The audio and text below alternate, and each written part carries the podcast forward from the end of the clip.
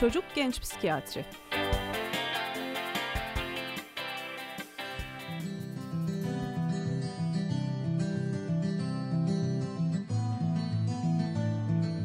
Trakya Üniversitesi Radyosu Radyo Güne Bakan'da yeni bir çocuk genç psikiyatri programı ile birlikteyiz. Her zaman olduğu gibi Trakya Üniversitesi Tıp Fakültesi Çocuk ve Ergen Ruh Sağlığı ve Hastalıkları Anabilim Dalı Başkanı Profesör Doktor Sayın Işık Görker bizlerle birlikte ve yine aynı anabilim dalından değerli hocamız Doktor Öğretim Üyesi Leyla Bozatlı bizlerle olacak. Bugünkü programımızın konusu konuşma gecikmesi.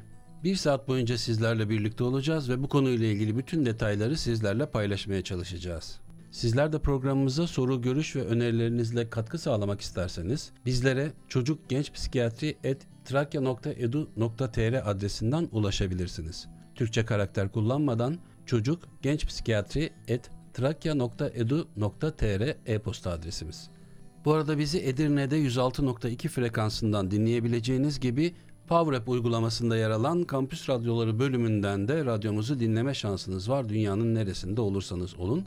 Aynı zamanda üniversitemizin web sitesi www.trakya.edu.tr adresinde yer alan canlı dinle butonuna tıklayarak da radyo yayınlarımızı dinleme şansına sahipsiniz. Programımızı kaçıranlar ise Trakya Üniversitesi Radyosu Radyo Güne Bakan'ın Spotify hesabı üzerinden de dinleyebilirsiniz istediğiniz gün ve saatte. Bu bilgilendirmeleri de yaptıktan sonra artık programımıza başlayabiliriz. Değerli hocalarım Profesör Doktor Sayın Işık Görker ve Doktor Öğretim Üyesi Sayın Leyla Bozatlı hoş geldiniz Radyo Güne Bakan stüdyolarına. Hoş bulduk. Hoş bulduk, merhabalar.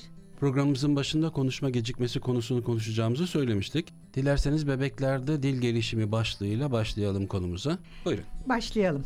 Şimdi bebeklerde yani çocuklarda dil gelişiminin ne zaman başladığını daha önceki 0-3 yaş döneminde sizinlerle paylaşmıştık. Hatta sembolik düşüncenin gelişmesiyle birlikte dil gelişiminin başladığına yönelik sözlü anlatımlarımız olmuştu ve burada sembolik düşüncenin ne olduğu ile ilgili de biraz daha ayrıntılandırmıştık konuşmamızı. Şimdi dil gelişimi önemli çünkü dil gelişimi beklenen bir gelişim ki çocuk kendini ifadelendirebilsin sözel olmayan ifadeler, duygu ifadeleri, non verbal dediğimiz ifadeler mimiklerle, jestlerle, davranışlarla yapılabilir ama dil gelişimi olduğu zaman çocuk artık kendisini ifade etmeye, kınmalarını ifade etmeye ve daha sonraki sosyal ilişkilerinde de akranlarıyla, ebeveynleriyle de iletişimlerini arttırmaya başlar ki burada artık zaten gelişimin önemli bir parçası başlamıştır ve sonrasındaki sosyal gelişime de bir basamaktır.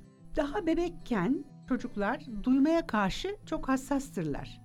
Doğumdan sonraki birkaç gün içinde çevreden gelen birçok ses arasından insan sesini hatta annelerinin sesini yani bakım verenlerin seslerini ayırt edebiliyorlar. Bebekler dinleyerek, izleyerek ve oyun oynayarak sosyal etkileşim kurarlar ve böylece ilk anlamlı kelimelerin çıkması sağlanır. Yani bebeklerin aslında uyarana çok ihtiyacı vardır. Dinlemeye, izlemeye, görmeye ve bir şekilde bebeklikteki oyun ile yani işte eline verdiğiniz bir çıngırağı sallaması veya bizim bir e, çıngırağı sallamamızla ona verdiği, bize bakarak ona verdiği tepkilerle bunları başlatma şansımız çok yüksektir. Yaklaşık 5 aylıkken artık sessiz harfleri kullanmaya başlar. Yani sesi taklit etmeye başlar. 11. ayda ise artık kelimelerin taklit edilmesini görürüz. Taklit etme önemli bir özellik. Taklit etme davranışı aslında dil gelişimi ve sosyal becerilerin kazanılması da çok önemli bir yeti. Biz bu taklidin çok önemseriz çünkü dil gelişimi olmadığında daha ileriki zamanlarda bazı bozuklukların özelliklerinde anlatacağımız üzere taklit becerisi olmayan çocuklarda dil gelişiminin olmadığı, sosyal becerilerin hiç kazanılamadığı, insanlar arasında etkileşimlerin olamadığını gözlemliyoruz çünkü. Konuşmaya başlaması yani dilin gerçekten anlaşılması yaklaşık 8. ay dolaylarına rastlıyor bebeklerde ve bir yaşın sonuna doğru bebekler alışkın oldukları ortamda artık sürekli duydukları bazı sözcüklere yanıt vermeye başlıyorlar. Örneğin anne hadi C oynayalım, C E oynayalım oyununu söylediğinde bebek böyle gülerek ellerini çırpmaya başlayabilir. Yani yanıt verir artık. Dilin anlaşılması kullanılmasına öncülük eder tabii ki. Dolayısıyla dili kullanmadan önce önce kelimeleri, cümleleri bebeğin anlaması gerekir. Yani önce anlama dili olacak, daha sonra bunu ifadelendirecek çocuk. Şimdi bebeğimiz hangi yaşta nasıl konuşur, ay ay nasıl bunlar gelişir? Doktor Leyla Hanım'dan dinleyelim. Çünkü bunların hepsinin ayrı ayrı ay ay özellikleri oluyor. Evet ben birazcık daha detaylandırayım isterseniz hocam. Şimdi ben ay ay bebeklerden hangi kelimeleri ya da ne kadar cümle kurmalarını beklediğimizden bahsedeceğim ama bunlara çok ay olarak da takılmamamız gerekiyor. Burada bizi dinleyen dinleyenlerimiz benim bebeğim 6 aylık ama bunları yapamıyor ya da 1 yaşında ama bunu yapamıyor diye birden paniklemeye gerek yok. Sonunda tekrardan hangi durumlarda bizim polikliniğimize başvurmaları gerekiyor ya da danışmanlık hizmeti almaları gerekiyor onu da bahsederiz. Ben gene de kısaca 1 yaşa kadar daha doğrusu 2-3 yaşlara kadar hangi aylarda bebekten hangi kelimeleri, hangi heceleri, nasıl bir gelişim hızıyla ilerlemesi gerektiğinden bahsedeceğim şimdi. Doğum itibariyle biraz önce hocamızın da dediği gibi bebekler etrafta olan biteni, bütün sesleri çok hassastırlar. Onların nasıl bir ses olduğunu, insanlardan gelen bir ses mi, hayvan sesi mi, bir nesne sesi mi, insan sesi ise annesinin sesi mi, ev halkından diğerlerinden gelen bir ses mi bunları öncelikle ayırt etmeye başlar. Zamanla ilk aylar itibariyle ilk iki ayda da kendisi de dudaklarını böyle yavaş yavaş kıpırdatarak bazı heceler diyebiliriz buna ki buna halk arasında zaten agulama, mırıldanma diye de geçiyor. Bunları ilk iki ayda yavaş yavaş söylemeye başlar. Birazcık daha büyüdüğünde 4 aylık olduğunda artık bunlar biraz daha tekrarlayarak yani bu biraz önce bahsettiğim mırıldanmalar artık mamma, baba hem kelimeye benzer ama daha çok hece tekrarı diyebileceğimiz bir konuşmaya geçer. Biz de buna babıldama diyoruz. 4 aylık itibariyle yavaş yavaş bu babıldamaları artık görmeyi bekliyoruz biz bebeklerde. Birazcık daha büyüdüğünde 6 aylığa geldiğinde artık duyduğu sesi gözüyle de takip etmeye başlar. O ses nereden geliyor? Bu ses hareket eden birinden işte anneden ya da başka bir oyuncağından gelen bir sesse o sesi artık gözüyle de takip etmeye başlıyor ve tepki veriyor. Babıldama daha belirgin hale gelmeye başlıyor. Biraz daha artık büyümüş oluyor. 9 aya geldiğimizde de ismine iyice alışmış oluyor artık bebeğimiz ve onun ismini söylediğimizde dönüp bize tepki vermeye başlamış olabiliyor. Burada 9 aylık diyorum ama bunu 7-8 aylıkta da bazen yapan bebeklerimiz olabiliyor. Bazen 10 aylığa da sarkabilir bu. Dediğim gibi çok 9 ay, 6 ay diye takılmamak gerekiyor. Bu aylarda biz bu gelişimleri normal sayıyoruz. Artık 9 aylıkta ikili, üçlü heceler çıkarmaya başlıyorlar ve bir yaş dönemi yaklaşıyor. Çocuk bir yaşına geldiğinde bu aileler için çok önemli bir dönemdir. Hem yürümeyi artık çocuk pekiştirmiş oluyor. Bize polikliniğe geldiklerinde aileler şu şekilde söylerler. İşte yaşını karşıladı. Bir yaşında söyledi gibi. Birçok sorduğumuz sorunun cevabı hep o bir yaş dönemindedir. Daha anlaşılır e, kelimeler çıkmaya başlar kendilerini daha güzel ifade ederler. Özgürlüklerini ilan etmiş oluyorlar artık yürümeye başlıyorlar. Birazcık artık konuşma başlamış oluyor diyebiliriz bir yaş için.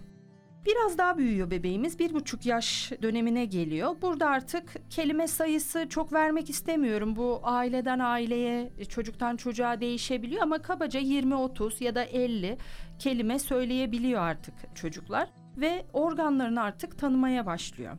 Burada bir oyun şeklinde de kullanılabiliyor. Aileler işte gözün nerede, göz nerede ya da bu ne diye sorup burnunu gösteriyorlar bebeklerin. Orada da artık burun kelimesini, organını öğrenmiş oluyor. Ve bu oyunları, bu konuşmaları zaten bol bol yapmalarını da öneriyoruz hep. Biraz daha büyüyor artık 2 yaşına geliyor. Burada bizim kolayca aklımızda kalan bir bilgi var. 2 yaşında iki kelimelik cümle. Bu hani kolay akılda kaldığı için özellikle söylemek istiyorum. Artık iki yaşındaki bir bebekten, bir çocuktan iki kelimelik cümleleri söyleyebiliyor olmasını bekliyoruz. Anne gel, baba gel, anne aç gibi iki kelimeyi birleştirip derdini anlatmaya başlayabiliyor. Zamirleri de kullanmaya başlayabilir. Ben, sen, annenin farkını artık yapabiliyor. Biraz daha büyüdüğünde artık daha detaylı sorular sormaya başlıyor. İki buçuk yaş civarı ne, kim, ne zaman gibi biraz daha detaylı sorular daha çok merak edip daha çok soru sormaya başlıyor. Biraz büyük küçük gibi kavramları öğrenebiliyor. Bunların gelişimi zaten her ay çok hızla ilerliyor ve 3 yaşına geldiğinde artık ismi sorulduğunda benim adım Leyla, benim adım Ayşe, ben Emre deyip bebekler iletişim kurabiliyorlar 3 yaşına geldiklerinde. Hocam önceki programlarda da konuşmuştuk hatırlarsanız. Kız çocuklarıyla erkek çocukların konuşma süreleri arasında bazı farklılıklar olabiliyor demiştik. Bir açıklama yapmıştınız, bu soruyu cevaplamıştınız aslında ama tekrar bunun altını çizsek sanırım iyi olur hazır yeri gelmişken. Burada özellikle erkek çocukların konuşma gecikmesi üzerine durmuştuk hatırlarsanız. Hangi yaştan sonra erkek çocuklar için konuşma gecikmesi bir sorundur? Dilerseniz öncelikle bunu cevaplayalım ondan sonra konumuza devam edelim. Tabii aslında erkek çocuklarda biraz daha gecikmenin olabileceği ihtimali olsa da bunun çok bir kural olarak anlaşılmaması gerekiyor. Çünkü böyle olduğu zaman geciken bir konuşmanın ya da konuşulamamanın zaten erkek çocuk olduğu için böyle deyip beklenip daha geç getirilmesi uzmanlara, daha geç başvurulması başka sakıncalar doğurabilir. Yani çocuklarımız aslında biraz önce Doktor Leyla Hanım'ın belirttiği gibi iki yaşlarında artık derdini anlatırlar. 3 yaşına geldiklerinde ise artık detaylandırabilirler. 3 kelimelik yani hatırda kalsın diye söylüyoruz. 3 yaşında 3 kelimelik cümleleri artık kurabilirler. Dolayısıyla 3 yaş bittiğinde artık çocuk hala konuşamıyorsa bu bir erkek çocuktur. Hani bekleyelim zaten işte ailelerden birkaç kişi de böyle geç konuşmuştu gibi beklemek sakıncalı. Uzmana başvurup neden konuşmadığına yönelik danışmak, bu konuyla ilgili bir soru sormak, yakınmayı dile getirmek çok önemli. Peki hocam 3 yaş mıdır milat? Böyle bir müdahale için Evet, 3 yoksa yaşına kadar bekleyebilirsiniz. Peki- Ama Peki daha önceki süreçte 3 yaşına kadar olan süreçte de bazı emareler var mıdır acaba çocukların konuşma bozukluğu ya da konuşma ile ilgili sorun yaşama ihtimali? Yani şunları şunları görürseniz çocuklarda bunları tespit ederseniz 3 yaşın öncesinde de doktora danışabilirsiniz, bize gelebilirsiniz. tabii Dediğiniz durumlar var mı hocam? Tabii var. Biraz önce Leyla'nın söylediği gibi aslında babıldamalar, hecelemelerin çok erken yaşta başlamasını bekliyoruz çocuklarda. Yani bir buçuk yaşlarında artık söyleneni anlamasını bekliyoruz. Bir süre sonra artık isminin çağrıldığında bakmasını bekliyoruz. Ve artık iki yaşlarında çocuğun derdini anlatabilmesini bekliyoruz. Dolayısıyla üç yaşına gelmeden zaten hecelemelerin, algılamanın yani reseptif dilin, e, fark etmenin ne söylenildiğinin anlaşılması ve daha sonra ifadelendirilmesi zaten beklediklerimiz. Bir de şöyle kritik bir şey daha söylenebilir. En azından ailelerin farkındalığının artması açısından. Çocuklar bazen hecelemeleri başlıyorlar. Hatta bazen kelimeler de birkaç tane üretebiliyorlar. iki yaşlarındayken. Fakat sonra gelişim birdenbire durabiliyor. Bu tür problemlerle de karşılaşılabiliyor. Aileler bunun aslında neden olduğunu fark etmeyip biraz bekleyebiliyorlar. Bu bazı nörogelişimsel bozuklukların da bir habercisi olabiliyor. Yani çocuk başlamıştı, hecelemişti, bazı kelimeler çıkarmıştı. Hatta 10 tane kelimesi de vardı ama sonra birdenbire konuşması durdu. Bu da aslında çok dikkat edilmesi gereken ve atlanmaması gereken, beklenilmemesi gereken bir bulgu. Dolayısıyla konuşma başlamadıysa, dili algılama ve ifadelendirme zaten çocuklarda iki yaşlarında başlamadıysa bu sorunu önce algılayıp beklemeden bir uzmana başvurulması yerinde olur. Benim bildiğim kadarıyla artık uzun yıllardır doğum sonrası bir işitme testi yapılıyor. Evet, Belki bundan sonraki süreçte de gelişebilecek durumlar, çeşitli hastalıklar vesaire nedeniyle aslında duymak konuşmanın önemli bir parçası. çok güzel Dolayısıyla söylediniz. duymakla ilgili de Evet. e, ebeveynlerin iyi duymayan bir çocuğun konuşmasında da herhalde sorunlar olacaktır Evet, diye bu düşünüyorum. konuda bu konuda farkındalık yarattığınız için çok teşekkür ederiz. Zaten Rica gelir gelmez bu çocukları hemen biz işitme testine yönlendiriyoruz.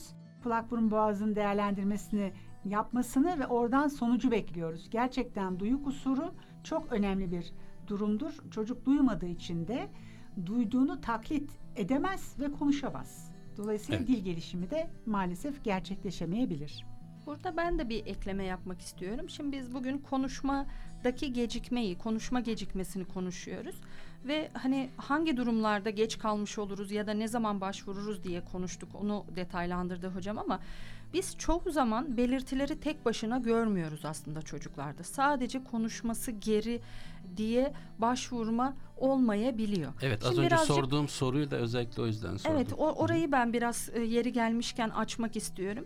Şimdi 3 yaşındaki bir çocuk bize şöyle başvurabilir. Hani örnek üzerinden anlatmak isterim. Bize çok canlı bakan, poliklinikte gördüğümüz 3 yaşındaki çocuktan bahsediyorum. Bize polikliniğe girdiğinde çok canlı bakan, masamızdaki nesnelere ilgi duyup, onları almak isteyip bize göstermeye veya annesine, babasına, ebeveynine göstermeye çalışan, konuşmasa da bazı heceler çıkarmaya çalışan bir çocuk olabilir. Onun ismine seslendiğimizde bize bakan bir çocuk olabilir. Burada çok endişeleneceğimiz bir durum olmayabilir. Aileye sorduğumuzda aile der ki bizim her söylediğimizi anlıyor. Söylediklerimizi getiriyor, komutları alıyor. Onun yanında onun hakkında konuşmasak bile aslında bir bakıyoruz ki bizi anlamış. Bizim başka bir şey konuşurken o konuştuğumuz nesneyi bize alıp getirmiş. Bizi anlıyor, dinliyor, her şeyi anlıyor diyor aile. Burada artık biraz daha sadece konuşma gecikmesinden bahsederiz ve bu yönde önerilerde bulunuruz ama bazen bize şöyle çocuklar geliyor. Gene 3 yaşında başvuran çocuk ama bizimle göz kontağı da kurmuyor. Seslendiğimizde bakmıyor. Bize ilgi duymuyor. İsmine biz seslendiğimizde de bakmıyor ama evde annesi babası seslendiğinde de bakmıyor. Ondan bir şey istendiğinde komut almıyor. Burada artık sadece konuşma gecikmesinden aslında bahsetmiş olamayız. Farklı farklı tanılar artık gündeme gelmiş olur. Burada çocuğun algılaması da yaşına göre geri diyebiliriz. Örnek verdiğim için çok daha detay vermeyeceğim kafayı karıştırmamak adına ama otizm olabilir, zeka gerilikleri söz konusu olabilir.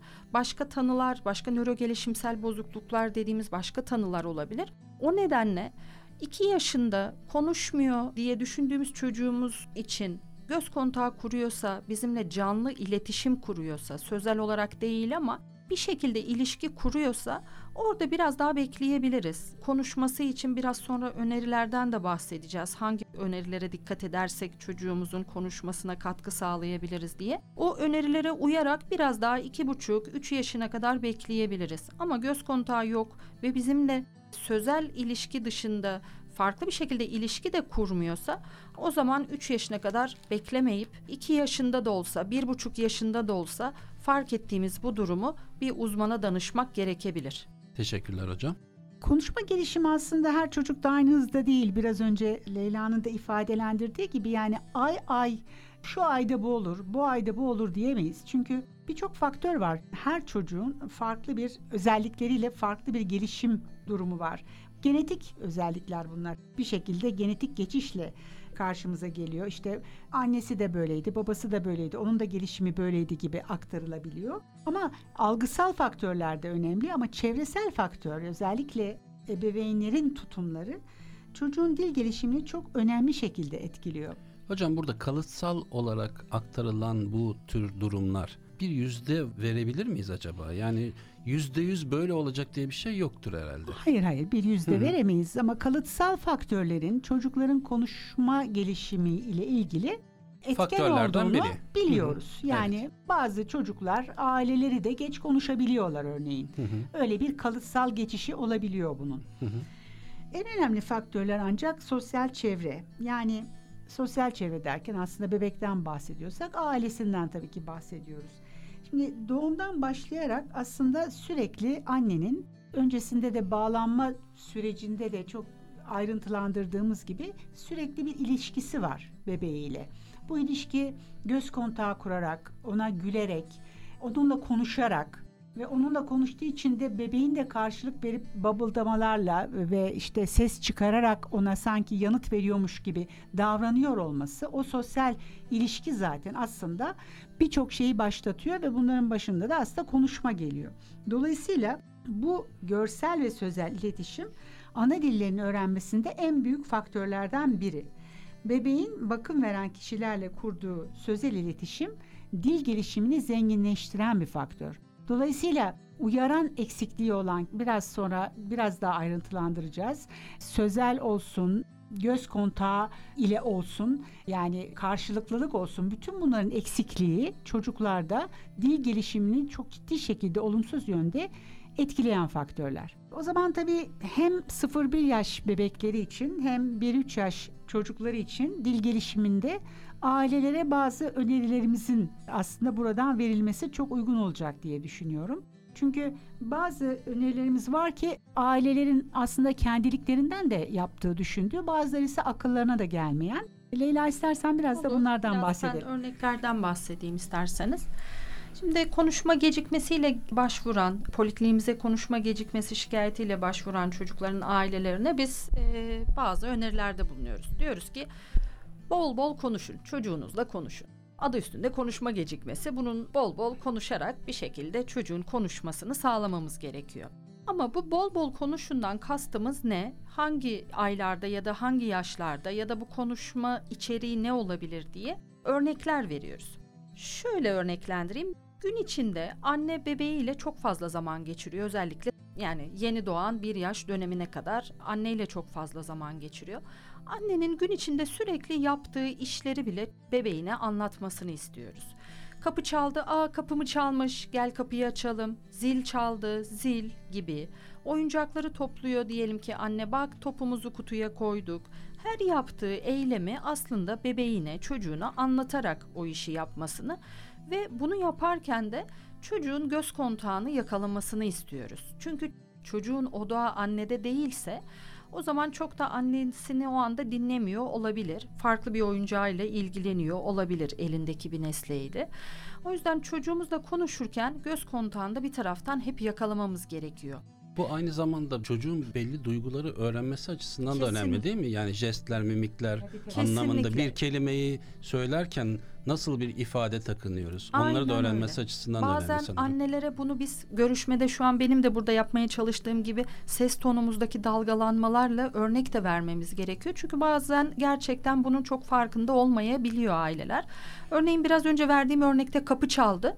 Kapıyı açtı ve çocuğun çok sevdiği diyelim ki anneannesi geldi ya da baba geldi akşam. Aa baba mı gelmiş, baba gelmiş gibi çocuğun göz kontağını yakalayıp babanın eve geldiğinden ya da o eve gelen misafirden dolayı mutluluk duyduklarını yüzlerine de yansıtmaları gerekiyor. Çocuk da bunu anneden, babadan bu şekilde öğrenmiş oluyor. Yoksa çocuk oyununu oynarken kapı çaldı, annenin gidip kapıyı açtığında hani o tepkiyi de anne göstermediğinde çocuk bu duyguyu aslında öğrenememiş oluyor ya da biraz daha geç fark etmiş oluyor. Biraz daha büyüdüğünde görmüş oluyor. O nedenle gün içinde anneler bazen şunu düşünebilir. Anlamıyor nasılsa küçük diye. Ama mümkün olduğunca her yaptıkları işi yaparken kullandıkları nesneleri mutfaktalar diyelim ki mama sandalyesinde oturuyor bebekleri. Kaşıkları buraya koyuyoruz. Tabakları masaya diziyoruz. Bak tabak bu senin tabağın. Bu senin önünde dursun. Bu benim tabağım gibi olabildiğince onun da göz kontağını yakalayarak hani sürekli göz kontağı diyorum ama gerçekten çok önemli. Göz kontağını yakalayarak bol bol konuşmalarını öneriyoruz. Burada bol bol konuşmak derken öğrenmenin en önemli parçası tekrarlamak değil mi? evet, tekrar. Yani sürekli konuşmakta Hı hı. sonuçta bir kelime söylediğiniz zaman bir bebekten o, o kelimeyi algılayıp hemen söylemesini beklemiyoruz. Doğru. Dolayısıyla sürekli tekrarlamak aslında o Çok jestlerle, mimiklerle birlikte, görüntüyle birlikte hafızasında daha kalıcı hale geliyor. Aynen öyle. Günlük rutinler de zaten tekrarlandıkça Evet. o konu sürekli çocuğun duyduğu bir konu haline gelmiş oluyor. Diğer taraftan çocuk artık duyduğu o sizin de bahsettiğiniz gibi tekrar tekrar duyduğu kelimeleri birazcık söylemeye çalışıyor. Tam onu kelime olarak söyleyemese bile ilk hecesini söylemeye çalışıyor. Veya tam o hece çıkmasa farklı bir hece farklı bir sesle seslendirmiş olsa bile annenin bunu pekiştirmesi için işte bir alkışlayarak evet sen tabak mı dedin? Tabak. Al bu senin tabağın. gibi geri bildirim vererek onun konuşmasını daha çok motive olması için daha çok pekiştirme amaçlı geri bildirimler vermesini öneriyoruz. Diğer taraftan kitaplar, dergiler incelenip o dergilerdeki resimleri okuma öncelikle daha küçük aylarda sadece gösterme şeklinde olabilir. Bak bu top bu oradaki karakterin topu diyelim ki orada bir Ayşe var, Ali var, Tarçın var diyelim ki. Onun topu bir sonraki sayfada farklı bir nesne var. O nesneyi isimlendirerek aslında objeleri tanıtmış oluyoruz bebeğimize. Biraz daha büyüdüğünde bir yaş sonrası belki yavaş yavaş hikaye anlatımı şeklinde de olabilir. Ama bunu da kitabı alıp motamot okumayı da önermiyoruz. Çünkü bebeğin dikkat süresi o kadar uzun olmadığı için dikkati dağılabilir, tam anlayamayabilir. O nedenle resimlerden annenin babanın bir hikaye uydurarak biraz daha kısa cümlelerle ama çocuğun dikkatini dağılmasına da çok fırsat vermeden küçük küçük minik minik hikayeler anlatmalarını öneriyoruz. Biraz daha büyüdüğünde bebek bazı kelimeleri artık söylemeye başlıyor. Biraz önce organlarını gösteriyor demiştim örneğin belli aylarda artık burun diyor diyelim ki bir buçuk yaşındaki bebeğimiz. Tabii bunu burun olarak söylemiyor. Genelde bebekler onu bir buyun gibi ya da suya bu gibi farklı isimlendirmeler kullanırlar. Aileler de bebeklerinin bu nesneleri ya da organlarını, o kelimeleri bu şekilde söyledikçe hoşlarına gittiği için onlar da bebekleri gibi konuşmaya başlayabiliyor. Bunu çok önermiyoruz. Bebek kendince, bebekçe söylediği kelimeyi bebekçe söylese bile annenin babanın o kelimeyi uygun bir şekilde söylemesini istiyoruz. Burun şeklinde. R harfleri özellikle çok söylenemediği için onu bebek gibi konuşup o bebeksi konuşmayı pekiştirmemeleri her seferinde onlar doğrusunu söyleyip bebeğinin kendi söyleyebildiği şekilde söylemesini öneriyoruz. Onu düzeltme amaçlı değil ama bu yaptığımız. Yani bak buyun diyorsun, buyun yanlış, burun bu da demiyoruz. Ama çocuk kendince konuşmayı öğreniyor, o şekilde çıkartabiliyor. Öyle çıkardığı için de annenin de onun gibi söylemeden doğrusunu seslendirmesini öneriyoruz kısa kısa tane tane konuşmayı öneriyoruz. Biraz daha büyüdü çocuk diyelim ki istediğimiz seviyede dil gelişimi tam ilerlemediyse anne baba bazen çok hızlı konuşan insanlar olabiliyor. Çocuklarıyla konuşurken daha tane tane, daha kısa, net ve gene aynı şeyi bir daha söylüyorum. Göz kontağını yakalayarak konuşmaya dikkat etmelerini öneriyoruz. Sorular soruyoruz ki konuşmaya teşvik edelim. Bu ne, şu ne gibi tabii onun bilebileceği şekilde sorular sorup onun konuşmasını sağlamaya çalışıyoruz. Biraz daha büyüdüklerinde 3-3,5 yaş sonrası artık bir kreş ortamı iyi olabiliyor günümüz çocuklar için. Akranlarıyla bir arada zaman geçirdikçe daha çok kelime duyup daha çok onlar da bu kelimeleri öğrenip söyleyebiliyorlar. Kreş olmayabilir, park, bahçe, sosyal ortamlara dahil etmelerini mutlaka öneriyoruz. Şimdi bir pandemi dönemindeyiz. Bazen aileler enfeksiyon nedeniyle çocuklarını parka çok götürmek istemeyebiliyorlar. Buna biz hak veriyoruz tabii ama bir taraftan da bunun da bir dengede götürülmesi gerektiğini düşünüyoruz. Açık parkların çok kalabalık olmayan veya kalabalık bile olsa o çocuğun yaşıtlarıyla bir arada olabileceği, onları gözlemleyebileceği ortamlarda çocuğumuzu bulundurmamız gerekiyor. Tabii pandemi sürecinde olduğumuz için olabildiğince bu duruma dikkat ederek bunu yapmamız gerekiyor. Üç buçuk yaşından sonra da mümkünse bir kreş öneriyoruz. Peki hocam bazen ebeveyn kaybı söz konusu olabiliyor. Bazen doğumda da ebeveyn kaybı söz konusu olabiliyor. Ya da ebeveynli olmayabiliyor. Aile ortamı içerisinde yetişemeyen çocuklar oluyor. Burada da bazı konuşma problemlerinin yaşandığını da biliyoruz. Bu konuyla ilgili neler söylemek istersiniz? Özellikle aile ortamında yetişmeyen çocukların konuşma gelişmesinde ne tür sorunlar yaşanabilir? Bunun nedenleri nelerdir? Ve aynı şekilde ebeveyn kaybı durumunda da yine diğer insanların üzerine fazlasıyla görev düşüyor diye düşünüyorum. Evet. Bu konularla ilgili neler söylemek istersiniz? Burada çok farklı konular gene gündeme geliyor. Bizim önümüzdeki aylarda belki olabilir birkaç hafta sonra ebeveyn kaybı başlığı altında kitapçığımız var. O konuyu gene daha detaylı ele alırız o hafta ama burada, Burada özellikle konuşma evet. gecikmesine sebep olabilecek durumlar Burada anlamında bir konuşma soru sordum. gecikmesi ikinci duruma kayabiliyor. Neden aslında konuşma gecikmesi ortaya çıktı? Biraz orayı detaylandırmak gerekiyor. Ebeveyn kaybı hangi ebeveyn? Anne kaybı mı, baba kaybı mı? Anne Hı hı. kaybı biraz daha travmatik olabiliyor. Çünkü primer bakım veren kişi genellikle anne oluyor. Annedir, anne evet. sütü veren e, kişi anne, bakım veren genellikle anne oluyor. O yüzden burada konuşma gecikmesinin nedeni aslında uygun bakım verme olabilir. Bu bakım sürecini bu çocuk nasıl geçiriyor? Konuşma gecikmesinin değerlendirilmesi öncesinde bu çocuğun büyüdüğü ortamı, kalan ebeveynin ruhsal durumu, kalan ebeveynin desteği, Hani bunların hepsini biz değerlendirmemiz gerekiyor. Baba kaybı oldu, anne depresyonda. O zaman biz sadece çocuğun konuşma gecikmesini nasıl düzeltiriz diye bakmamamız gerekiyor. Sadece oraya nasıl müdahale ederiz diye düşünmüyoruz. Öncelikle annenin depresyonu ele alınmalı. Annenin desteklenmesi gerekiyorsa bu desteği nereden alınabilir, nasıl sağlanabilir ve annenin bu durumu fark etmesi için anneyle detaylı görüşmelerimiz gerekiyor. Yani çocuğum konuşmuyor diye getiren anne aslında kendinin depresyonda olduğunu fark etmeyebilir. Biz bunu bakın siz de iyi görünmüyorsunuz ya da siz konuşmak ister misiniz gibi fark ettiğimizde aslında çocuğun konuşma gecikmesi bizim için biraz ikinci planda kalıp buna neden olan süreci daha detaylı değerlendirmemiz gerekiyor. Ve burada hani genel öneriler dışında bir poliklinik ortamında çünkü her ailenin değişkenleri, o değişken faktörler dediğimiz faktörler, şartları farklı. Kaybedilen ebeveyn, ailede başka çocuk var mı? Bu ilk çocuk mu? Diğer çocuk? Yani bir sürü değişken var. Onların hepsinin daha detaylı görüşülmesi gerekiyor. Aslında ee, çok önemli bir şey söylüyorsunuz. Biz genelde bir sorun olduktan sonra o sorunu çözmek için çocuk psikiyatrlarına başvurulması elbette ki pozitif bir adımdır ama asıl öncesinde daha bu aşamaya gelmeden Belki bu travmaları yaşayan insanlar olduğu zaman bu programları yapmamızın nedeni de birazcık da bu bilinçlendirmeyi arttırmak. Dolayısıyla böyle bir travma durumu söz konusu olduğu zaman mutlaka ve hep geçen programda da söyledik. Böyle bir sorunla karşılaşabilirsiniz. İnsanız hepimiz. Bir sürü problem yaşayabildiğimiz gibi ruhsal sorunlar da yaşayabiliriz, travmalar yaşayabiliriz. Bununla çekinilecek, utanılacak durumlar kesinlikle değil. Hep altını çiziyoruz.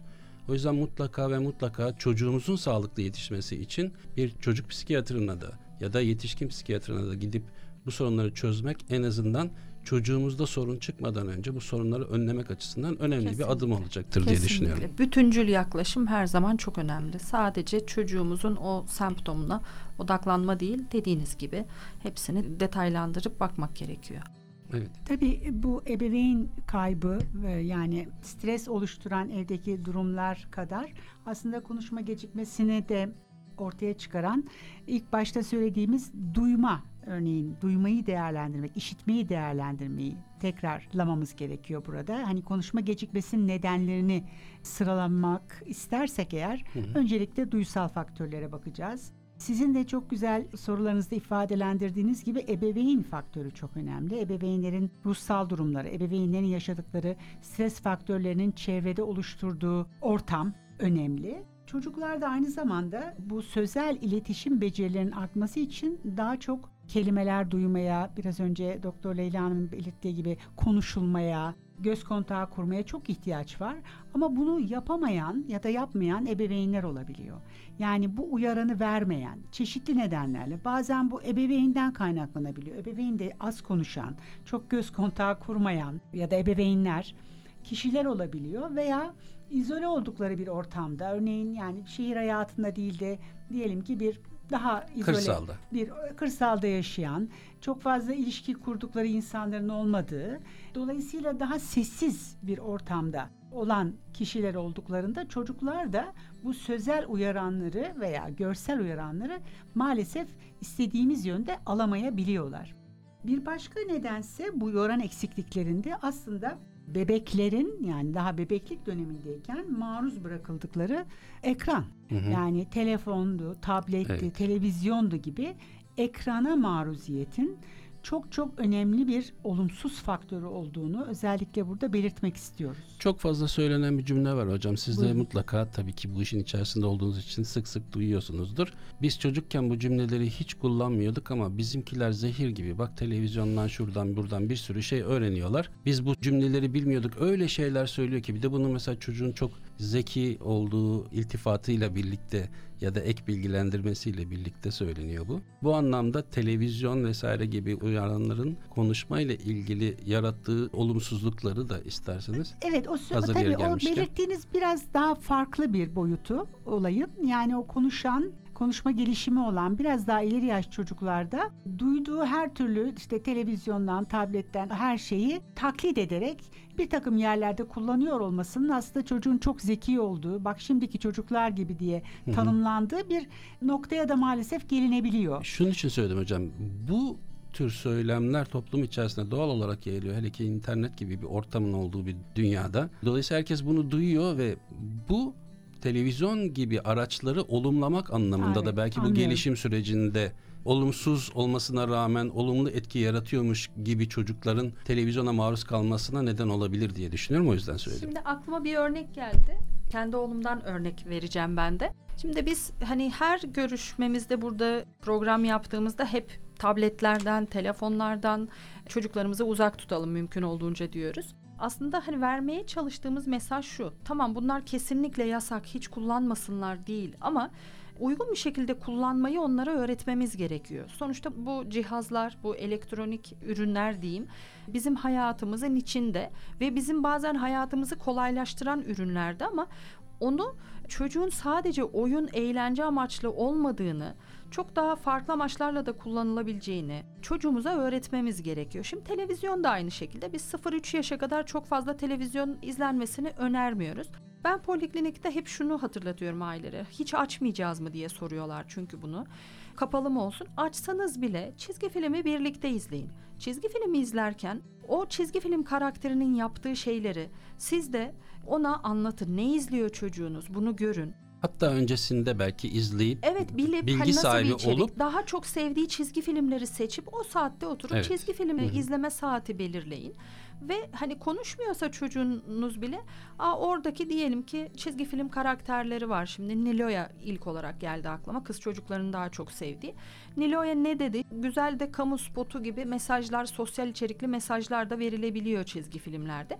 Bunları tabii ki değerlendirelim. Tabii ki çocuklarımıza öğretelim ama bunlar da kontrollü olmalı. Kendi oğlumdan vereceğim örnek ise şu. Yıllar önce 3-4 yaşlarındayken ekskavatör kelimesini söylemişti ve ben o zaman ekskavatör kelimesini bilmiyordum. Bu iş makinalarıyla Hı hı. alakalı. evet. Ve orada bir tane tamirci Sam miydi öyle bir çizgi Hı hı. film vardı. Şu anda oğlum artık büyüdüğü için hatırlamıyorum. Evet. Çok uzun zaman önceydi ve o zamandan benim aklımda kalan. Yani ben o kelimeyi merak edip sonra baktığımda farklı işlev gören iş makinalarına böyle farklı farklı isimler verilebildiğini benim için hepsi kepçeydi o zaman. Ama demek ki ekskavatör veya farklı isimler de olabiliyormuş bu iş makinaları için. Evet. Şimdi oğlum tabii ki bunu o çizgi filmden öğrendi ve bunun gibi çok farklı günlük hayatımızda çok kullanmadığımız kelimeleri oradan duyabiliyorlar. Örneğin uzay ile alakalı, dünya, gezegenle alakalı çok güzel bilgileri de oradan ulaşabiliyorlar. Onun ayrımını gerçekten güzel yapmamız gerekiyor. Yani tamam televizyondan çok güzel bilgileri öğrenebilirler ama bunları alabilirler diye de sabahtan akşama kadar televizyon izlememeleri gerekiyor. Hani biz kontrollü olsun, tablet de aynı şekilde. Orada da çok güzel oyunlar, güzel içerikli oyunlar olabiliyor. Ama sanal oyun mümkün olduğunca daha az, gerçek oyunun daha fazla oynanmasını hep söylüyoruz. Televizyondan da seçici programları izleyip hatta birlikte izlemelerini daha çok öneriyoruz. Bir de bu zamanın herhalde en büyük sorunlarından bir tanesi. Evet sadece televizyonlar değil aslında. Bilgisayar, internet, cep telefonu gibi birçok şey var. Ve şöyle örnekler de duyuyoruz çok fazlasıyla aileler arasında. İşte bilmem kimin komşunun çocuğu hep bilgisayarla oyun oynuyordu. Şimdi de bilgisayar mühendisliği okuyor. Bak görüyor musun? Gibi. Sanki o olduysa bizimki de olur. Herkesin koşulları aynı. Herkes aynı zekaya, aynı genetiğe, aynı sonuca ulaşacakmış gibi. Halbuki bu kadar farklı değişkenin olduğu bir ortamda sonuçların hepsinin aynı olma ihtimali zaten yok. Dolayısıyla böyle bir şeyin olmuş olması birinin çok oyun oynayıp da ondan sonra bilgisayar mühendisi okuması herkesin bilgisayar mühendisi olacağı anlamına gelmiyor. Bunu özellikle söylemek istiyorum çünkü bu çok fazlasıyla konuşulan bir durum. Siz de eminim ki bunları çok Gerçekten fazla oyun mu duyuyorsunuzdur. oynuyordu acaba bilgisayar başındayken o çocuk Evet. gerçekten oyun mu oynuyordu Ya da o biraz oyundan ne anlıyordu? Farklı, evet farklı Oyunsa e, bile. bilgi içerikli bir şeyler mi orada izliyordu ya da ders mi çalışıyordu onu bilemiyoruz tabii. Evet. Tabii burada tekrar hatırlamamız gereken bir durum şu. 0-1 yaş arası bebeklik döneminde çocuğun sürekli ekrana maruziyeti çünkü orada seçici davranamazsınız. Biraz önce konuştuğumuz gibi yani hani seçelim programı ona göre çocukla birlikte paylaşalım bu biraz imkansız gibi çünkü çocuklar daha bebek. E, O dönemde çocuğun saatlerce ekrana maruz bırakılması ciddi bir uyaran eksikliğine ve konuşmanın olamamasına hatta daha sonra da çok ciddi bir nörogelişimsel bozukluğa meydan verebilecek başka bulgulara özellikle üzerinde durduğumuz göz kontağı kuramama, insanlarla bakışmama, sanki insanlar yokmuş gibi davranma, çevrede sanki kimse yokmuş gibi, kendi başınaymış, hep kendi dünyasındaymış gibi olma gibi çok ciddi etkileşim ve iletişim sorunlarını karşımıza çıkarabilir ve bize başka nörogelişimsel bozukluklar adı altında tanımladığımız başka bozuklukları da tanı koymamızı hatta getirebilir. Dolayısıyla bizim yaptığımız farkında olmadan yaptığımız bu ihmaller yani bebek nasıl olsa işte ekrana bakarken oradaki o jungle'lı, o renkli şeylerle hipnotize olur gibi duruyor ve ağlamıyor. Evet. E, dolayısıyla ben de evde işimi yapıyorum örneğin gibi bir davranış benimsersek eğer o davranışı bu çocuklar için çok ciddi bir konuşma gecikmesiyle başlayan çok ciddi bozukluklara yol açabilir. Onu da eklemek istedim. Hocam burada biz yetişkinler olarak bir televizyona baktığımız zaman oradaki görüntünün anlamıyla konuşmaların, diyalogların anlamıyla birlikte algılıyoruz. Halbuki bir çocuk karşısında bir ekran görüyor. Özellikle çok daha Evet. küçük yaşta bebeklerden bahsedersek Evet, bir saniyede sinemada 24 Evet. kare akar. evet. Şimdi kare kare sürekli değişen Spotlar, bir ışıktan bahsediyoruz. ışıklar, evet, Işık ve renklerden.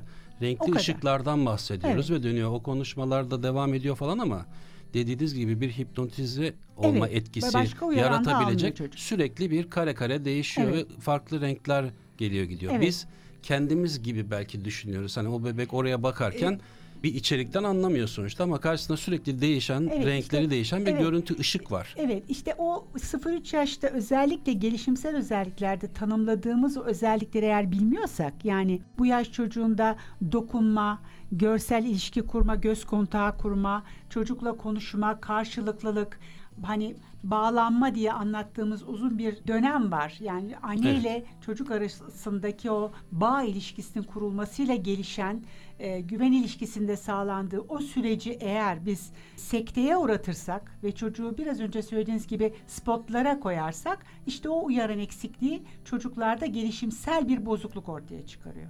Bu çok önemli bir nokta. Buraya tekrar değinmek istedim. Ben de son bir cümle hani bunun üstüne eklemek isterim. Gerçekten bazı aileler şöyle düşünüyor olabilir. Televizyonda, çizgi filmde veya izlediği programda çok fazla konuşma var. O konuşmaları duydukça benim bebeğim de konuşmaya çalışabilir. Onun da kelimeleri, söylediği kelimelerin sayısı artabilir diye düşünebilir. Ama bu aslında yanlış bilinen bir şey. Çünkü aynen sizin bahsettiğiniz gibi çocuk aslında bir hipnotize olmuş gibi o şekilde ekrana sadece bakıyor tek taraflı sadece izliyor ve konuşması başlayacakken bazı heceleri söylemeye başlıyorken çocuk onları da söylememeye başlıyor. Bu uzun süreli ekran maruziyeti sonucunda. Trakya Üniversitesi Tıp Fakültesi Çocuk ve Ergen Ruh Sağlığı ve Hastalıkları Anabilim Dalı Başkanı Profesör Doktor Sayın Işık Görker ve yine aynı anabilim dalından doktor öğretim üyesi Sayın Leyla Bozatlı ile konuşma gecikmesi konusunu konuşmaya devam ediyoruz ve yavaş yavaş artık programımızın sonuna doğru da yaklaşıyoruz. Peki hocam, farklı dil kullanan ebeveynler diyelim ki bir Türk'le bir Alman, bir İtalyan evlenebiliyor. Bazen bunlardan biri Türkçe biliyor, birisi başka bir dil biliyor. Bu farklı dilleri kullanıyor olma durumu çocuğun konuşma gecikmesiyle alakalı bir sorun yaratır mı? Ayrıca konuşma gecikmesinin varlığı, böyle bir durumun yaşaması daha sonraki yaşlar için bir emare midir? Konuşma ile ilgili başka sorunların ortaya çıkmasıyla doğrudan bağlantısı var mıdır? Evet bazen poliklinikte de ya da öğrenci arkadaşlardan da gelen sorular oluyor bize sizin sorduğunuz şekilde. Şimdi iki dil konuşulan aileler oluyor ya da bazen üç dil bile oluyor. Anne farklı bir dil konuşuyor, baba farklı bir dil konuşuyor. Kendi aralarında ortak dil olarak İngilizce iletişim kuruyorlar. Ve evde üç dil aslında konuşulmuş oluyor. Burada çocuğuyla daha çok zaman geçiren kişi anne olmuş oluyor ve çocuk ilk etapta annenin konuştuğu dil, ana dilini öğrenmeye çalışıyor. Ama babadan farklı şeyler duyuyor. Anne ile baba konuşurken farklı bir diyalog dinliyor. O yüzden konuşma gelişimi biraz daha geç başlayabiliyor. Ama burada çok net, keskin bir hatla ayrılmış değil bu süre. Yani illa gecikecek diyemeyiz. Ama genellikle daha gecikmeli başlayabiliyor orada dil gelişimi. Ama çalışmalar şunu göstermiş. 4-5 yaşına gelindiğinde bu çocuklar her iki dili ya da bazen üç dili e, akıcı bir şekilde konuşup 5 yaşından sonra akranlarını yakalayabiliyorlar. Eğer farklı bir nöro gelişimsel bozukluk tanısı yok ise çocuğun sadece anne baba farklı bir dil konuşuyor olması nedeniyle çocukta başka bir tanı oluşması, başka bir sorun oluşması söz konusu değildir. Sadece o ilk 3 yaş dilimi, ilk 3-4 yaş diliminde biraz konuşması daha geç olur. Hı hı. Anlama daha iyidir. Her iki ebeveynini de anlar ama kendini ifade etmesinde orada çok zorlanır. Dil gelişimindeki o gecikme hı hı. nedeniyle.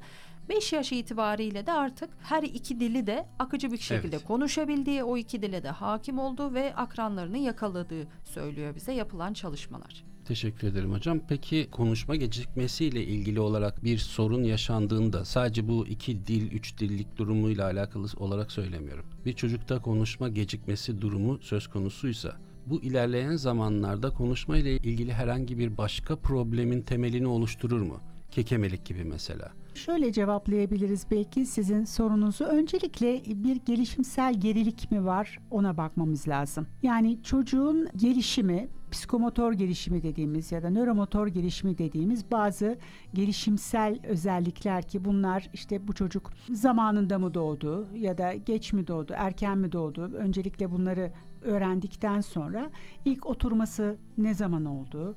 Desteksiz bir şekilde yürümesi aşağı yukarı ne zaman oldu gibi böyle sırayla giden ve daha sonra da konuşma gelişiminin yani ilk işte hecelemelerinin, ilk kelimeyi ne zaman çıkardığı, daha sonra derdini anlatabilir, ne zaman başladığı konuşmaya gibi bazı sorularımız oluyor bizim hı hı. E, ebeveynlere. İşte burada genellikle eğer konuşma gecikmesi varsa öncesinde de bu gelişimsel basamaklarda gecikme varsa bu bir zihinsel yetersizlik olarak değerlendirilebilecek bir durum olabilir. Yani mental retardasyon diye adlandırdığımız, e, gelişimsel gerilik diye bir taraftan adlandırdığımız durum her basamağın aslında gelişimsel olarak geri gittiği, dolayısıyla da konuşmanın da başlayamadığı, hatta başlasa bile çok geç başladığı bir durum olabilir. O tabii bir gelişimsel bozukluk olduğu için ona göre tedavisinin ele alınmasının ya da rehberlik veya eğitsel hizmetlerinin nasıl gideceğini de programlamak ve ona göre başlatmak gerekiyor çocuğa. Biraz önce uyaran eksikliklerinin ciddi bir takım bozukluklar yaratabildiğini söylemiştik ki burada otizm spektrum bozukluğunda da ayrış tanısında da tepkisel bağlanma bozukluğu adı altında anacağız bu durumu da. Bu olayda uyaran vermemede çocukta kelime başlatamama ve çocukta konuşamamayı getirebilir ve bazı otizm bulgularını da beraberinde getirebilir. Göz kontağı kurmama, insanlarla ilişki kurmama gibi. Tek başına otizm spektrum bozukluklarını da ele aldığımızda daha ayrıntılı sizinle konuşacağız. Bu çocuklarda da konuşma gelişiminin maalesef pek olamadığı, genellikle olamadığını görüyoruz. Yani hı hı. konuşma gelişimi maalesef olamıyor ve dolayısıyla tedavilerinde de konuşma eğitimi adı altında eğitsel yaklaşımları mutlaka bir an önce başlamamız gerekiyor. Dolayısıyla konuşma gecikmesinin yapısal özellikler, genetik özelliklere bağlı olarak ya da biraz önce ayrıntılı olarak size ifade ettiğimiz birçok özellikleri dışına çıktığımızda bu tür hastalıkları, bu tür bozuklukları da bize hatırlatabileceğini bilmemiz gerekiyor. Çocuğun tabii ayrıntılı öyküsünü alarak bunları ancak değerlendirebiliyoruz. Teşekkür ederiz hocam. Bir sorum daha olacak hocam size. Baskıcı ailelerde ya da gerginlik ve çatışmanın çok yüksek olduğu ailelerde çocuğun konuşma gecikmesiyle doğrudan bir bağlantısı var mıdır? Bu bir sebep olabilir mi? Ebeveynler arasındaki çatışmanın, gerginliğin, aile içi sorunların çocuğun konuşmasında negatif bir etkisi olur mu? Konuşma gecikmesi olarak adlandırmayabiliriz ama çocuğun kendini ifade etmesinde ciddi zorluklar yaratabilir. Yani baskıcı çocuğa kendini ifade etmede çok zaman tanımayan, fırsat vermeyen ya da daha çocuk adına konuşan belki dediğimiz evet. durumlarda çocuğun gelişimi normal olsa da bunu hızlandırması veya daha iyi yapabilmesi, kendini ifadelendirmesi kolay olmayabilir. Çünkü çocuklar bunları biraz önce söylediğimiz gibi ebeveynlerle kazanıyorlar. Yani sosyal çevre dediğimiz aile çok önemli. Ailenin desteği, ailenin cesaretlendirmesi bir yerde çocuğun kendini ifadelendirmesinde çok önemli. Ama baskı her yönüyle e, stres ortamı, kaygı ortamı birçok gelişim basamaklarında sekteye uğratabilir çocuğu. Tabii ki bunu da mutlaka göz ardı etmemek ve bu konuda da değerlendirme yapmamız lazım çocukları değerlendirirken. Teşekkür, Teşekkür ederim bu soru için de. Rica ederim hocam. Leyla hocamız az önce bebeksi konuşmadan bahsetmişti. Bebeklerle ya da çocuklarla daha küçük yaştaki çocuklarla konuşurken bebeksi konuşmamanın öneminden bahsetti. Çocuksu konuşmaları çok fazla duyuyoruz aslında bazen ebeveynlerden de olsun, akrabalardan, komşulardan. Bebeklerle, çocuklarla konuşulurken o bebeksi konuşma biraz abartılı bir hal alabiliyor. Hatta bazen daha ileri yaşlarda diyeyim, çok ileri demiyorum ama daha ileri yaşlarda da bu bebeksi konuşmaları sanki o bebeği ya da o çocuğu ne kadar çok sevdiğini göstermek için bir yol gibi görenler de var maalesef. Peki bu bebeksi konuşma durumu ne zamandan sonra bir sorun haline gelir? Yani bir çocuk ne zaman bu bebeksi konuşmayı bırakmalıdır? Tabii ki biz kendi konuşmalarımıza da dikkat etmemiz gerekiyor dediğiniz gibi. Ama bir yerden sonra da o çocuğun da o kelimeleri doğru bir şekilde o cümleleri o bebeksi olmayan tonda konuşması gerekiyor. Elbette ki hatalar olabilir. Kütüphane yerine küpütane diyebilir. Evet. Portakal yerine pokatal diyebilir ama bir yerden sonra bu Aslında- sorundur dediğimiz aşama ne zaman? Evet. Aslında verdiğiniz iki örnek var. Bir, bir tarafta bebeksi konuşmadan kasıt o kelimeyi söylerken jest ve Hı hı. mimiklerle birlikte daha olduğundan küçükmüş gibi o, o, o kelimeyi söylemeye çalışma. Diğer taraftan portakal, porkatal deme Hı hı. ya da kapıya tapı deme. Aslında Hı hı hı. çocuk ses tonunu yaşına uygun kullanıyor. Kendini güzel ifade etmeye çalışıyor. Ben artık büyüdüm mesajını veriyor ama sadece telaffuz ederken bazı harflerin yeri farklı çıkıyor. Bu ayrı bir durum. Bir de normal söyleyebileceği halde birazcık daha R'leri yumuşak söyleyerek, kol, e, işte kelimeleri uzatarak bunu kullanmaya çalışarak diyelim. Biraz daha o bebeksi konuşmayı devam Evet. ettirmeye bir ısrar var gibi. Evet. O orada bir büyüyememeden tırnak içinde bir büyüyemeden bahsedebiliriz. Hala ona bebek gibi davranıp yoğun bir şekilde ilgi gösterilmesini bekliyor. Aileler de bu şekilde davranarak aslında bunu pekiştirmiş oluyor ve hala ona bebek gibi davranmaya e, çalışıyorlar. Bir yerden sonra poliklinik başvurusu olmayabilir ama kendi aralarında şikayet ediyorlar. Sorumluluk alma konusunda artık bir taraftan çocukları kız veya erkek olabilir. Oğulları, kızları büyüyor ama hala bazı sorumlulukları alamıyor. Ama bir taraftan da o çocuğa hala kendileri onlar aslında bebek gibi davranmış oluyorlar. Şöyle bir zaman dilimi veremem. 5 yaş sonrası artık bunu beklemiyoruz diye ama 3-4 yaş sonrası artık çocuklar çok güzel telaffuz edip kelimeleri, harfleri seslendirebiliyorlar. İlk örnekteki gibi R harfi bazen çok geç düzelebiliyor. Israrla onu farklı bir sesle değiştirip o- şekilde söyleyebiliyor ama burada direkt bebeksi konuşma diyemeyiz bu konuşma için. Ya da tersten bazı söylemler oluyor. Burada da 5-6 yaş civarı değerlendirip bazen konuşma terapisi desteği ihtiyacı olabilir.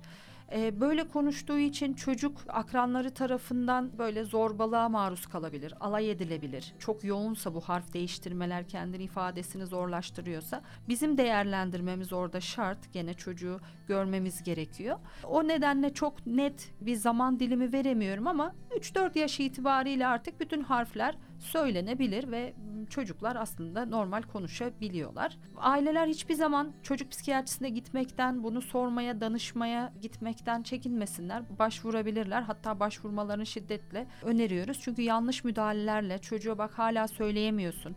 Şunu şu şekilde söyle. R baskı baskıcı bir şekilde R harfini çalıştırabiliyorlar. Bu sefer çocuk hiç konuşmak istemeyebilir. Bazı çocuk daha naif bir yapıdadır. Daha içe dönük bir yapısı vardır. En ufak müdahaleden çok incinebilir üzülüp kendini içine kapatabilir. Bazısı çok önemsemez ama burada dikkatli davranmak gerekiyor. Çocuğun üzerine gitmeden bir gene bize yani bu konunun uzmanı çocuk psikiyatrisine danışmakta fayda var. Önceki programlarımızda yine konuşmuştuk. Işık Hocam hatırlar. Toplum içerisinde çocukla birlikte bir yere gezmeye gittiğimizde ya da konu komşuyla birlikte muhatap olduğumuz zamanlarda genelde çocuk çok fazla muhatap alınmaz toplumda. Hep ebeveynlere sorulur. Çocuk kaç yaşında? Kaça gidiyor? Adı ne? Gibi birçok şey var. Buradan tekrar bunun altında çizmiş olalım. Çocuklarımıza söz hakkı tanıyalım ki onlar toplum içerisinde kendilerini doğru bir şekilde ifade edebilsinler. Çocuk kaç yaşında diye soran kişiye elbette ki siz de cevap verme şansına sahipsiniz ama bunun yerine çocuğa sorabilirsin yani kızıma sorabilirsin, oğluma sorabilirsin. Sor kendisi burada ya da dönüp çocuğunuza kızım sen cevap verir misin? deyip belki karşı tarafı da kibarca uyarmış olmamız doğru olur diye düşünüyorum. Evet teşekkür ederiz tekrar hatırlattığınız için. Biz muayenelerimizde de bunu çok sıklıkla maalesef gözlemliyoruz. Muayeneye aldığımızda hep beraber çocuğa soru sorduğumuzda direkt önce annenin ya da babanın cevap verdiğini çok sık gözlemliyoruz. Ve orada diyoruz ki kendisi cevap verebilir değil mi? Konuşabiliyor değil mi? Aa evet tabii diyorlar. Dolayısıyla orada o farkındalığı yaratmaya çalışıyoruz. Çünkü bir yerden başlamanız gerekiyor bunu farkındalığı oluşturmak için. Onlar da eğer açıksa ebeveynler bunu almaya fark ediyorlar ki evet çocuklara pek söz hakkı verilmiyor. Yine çok önemli bilgilerin yer aldığı bir program oldu. Vermiş olduğunuz değerli bilgiler için çok teşekkür ediyorum. Biz ilk programda Işık Hocam'la birlikte hatırlarsınız. Sizinle... Konuşacağımız konuları evet. detaylı bir şekilde başlıklarıyla söylemiştik. Evet. Ama hazır 8. programı tamamlamak üzereyken dilerseniz biz o başlıkları, kalan başlıkları da sadece başlık olarak teker teker söyleyeyim istiyorsanız. Tabii Uyku konusunu konuşacağız. Boşanma ve çocuk konusunu konuşacağız. Otizm spektrum bozukluğunu konuşacağız. Okula başlama sürecini konuşacağız. Öfkeli çocuk konusunu konuşacağız. Pandemi ve çocuk, alkol ve madde bağımlılığı, teknoloji ve çocuk, dikkat eksikliği, hiperaktivite, aşırı hareketlilik bozukluğu, ebeveyn kaybı ve çocuk, tik bozuklukları, takıntılar, cinsellik eğitimi, akran zorbalığı, ergenlik dönemi, zihinsel yetersizlik, sınav kaygısı, öğrenme güçlüğü. Evet. Eminim ki dinleyicilerimiz de şu anda aralarda birçok konuyu evet bu ne zaman yayınlanacak diye merakla bekliyorlar. Ama biz her hafta bir sonraki programda hangi konuyu konuşacağımızı söylüyoruz. Dolayısıyla dilerseniz bir sonraki programda hangi konuyu konuşacağımızı da dinleyicilerimize söylemiş olalım. Tabii. Şimdi bugüne kadar daha çok gelişimsel durumla ilgili bilgi vermeye çalıştık. Bunları paylaşmaya çalıştık sizlere. Bugün ilk kez aslında bir gecikmeyi konuştuk, konuşma gecikmesini. Bir sonraki programımızda dikkat eksikliği hiperaktivite bozukluğunu konuşmak istiyoruz. Hı hı. Paylaşmak istiyoruz sizlerle. Çünkü bu konuyla ilgili kliniğimizde de izlediğimiz çocuklardan, çevreden gelen sorulardan ve okul zamanı olduğu için zamanlamanın uygun olacağını düşündük. Bir sonraki programımızda dikkat eksikliği hiperaktivite bozukluğunu konuşacağız.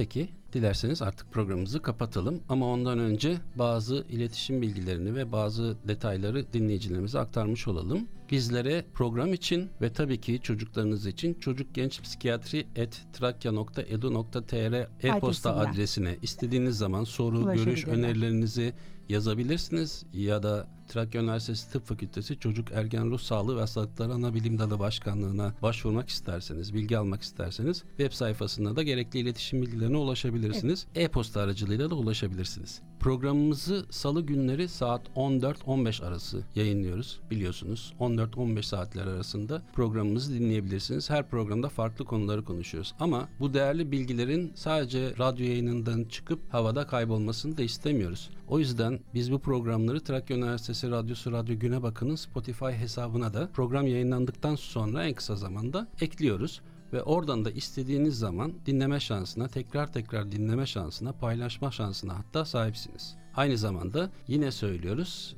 Trakya Üniversitesi Tıp Fakültesi Çocuk ve Ergen Ruh Sağlığı ve Hastalıklar Anabilim Dalı Başkanlığı'nın web sayfasında da bu programları bulabileceksiniz. Bu bilgilendirmeleri de yaptıktan sonra tekrar çok değerli hocalarım Profesör Doktor Sayın Işık Görker ve Doktor Öğretim Üyesi Sayın Leyla Bozatlı'ya vermiş olduğu çok değerli bilgiler için çok teşekkür ediyoruz. Biz teşekkür ederiz. Biz çok teşekkür ediyoruz.